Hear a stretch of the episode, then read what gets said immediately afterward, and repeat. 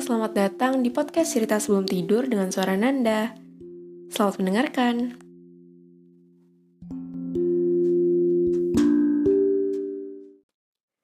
Episode 4, Raja bertelinga keledai.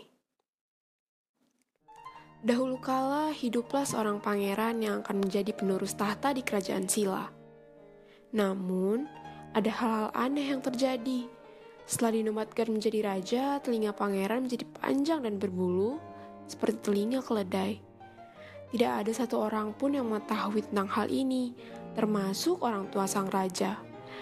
Raja menutup rapat-rapat rahasianya. Sayangnya, saat pesta rakyat akan dilangsungkan, raja membutuhkan mahkota baru. Untuk membuat mahkota tersebut, seorang pembuat mahkota harus mengukur dengan tepat ukuran kepala raja. Hal ini membuat raja harus memperlihatkan bentuk telinganya pada sang pembuat mahkota. Raja yang malu akan kondisinya mengancam membuat mahkota untuk tidak menceritakan kondisi itu pada siapa pun. Sang pembuat mahkota yang mengetahui posisinya menerima pasrah perintah tersebut. Tapi pembuat mahkota tidak bisa menyimpan hal itu terus-menerus. Semakin ia menua, rahasia itu semakin membebaninya. Sambil membawa beban untuk menyimpan rahasia, pembuat mahkota yang sudah tua akhirnya berjalan-jalan untuk menenangkan pikirannya. Dalam perjalanan, ia menemukan hutan bambu yang sunyi. Pembuat mahkota yang hanyut dalam keheningan hutan bambu merasa bahwa hutan tersebut akan tetap sunyi, walaupun ia akan membuat keributan sekeras apa pun. Karena itu, ia berteriak di dalam hutan bambu tentang rahasia sang raja.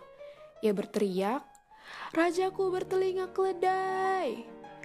Dan setelah meneriakkan rahasia itu, ia pun meninggal dengan tenang. Sepeninggal pembuat mahkota, angin bertiup di sekitar hutan bambu dan membawa kabar tersebut ke desa-desa tempat raja memerintah. Di desa tersebut, Angin yang bertiup dari hutan bambu seolah meneriakkan, Rajaku bertelinga keledai, Rajaku bertelinga keledai. Desa yang penuh ketidaktenangan menjadi semakin ribut karenanya. Hingga berita itu akhirnya terdengar oleh Raja. Dikarenakan kabar yang tidak bisa berhenti beredar, Raja yang awalnya merasa malu akhirnya bisa menerima kekurangannya.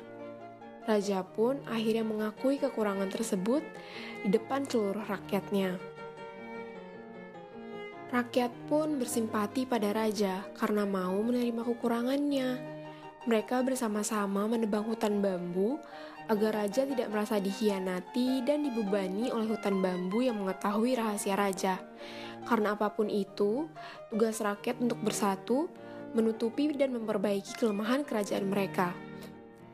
Setelah hutan bambu ditebang, telinga raja normal kembali. Raja pun menjadi fokus untuk memimpin rakyat serta kerajaannya dengan arif dan bijaksana, dan rakyat pun hidup dalam kesejahteraan.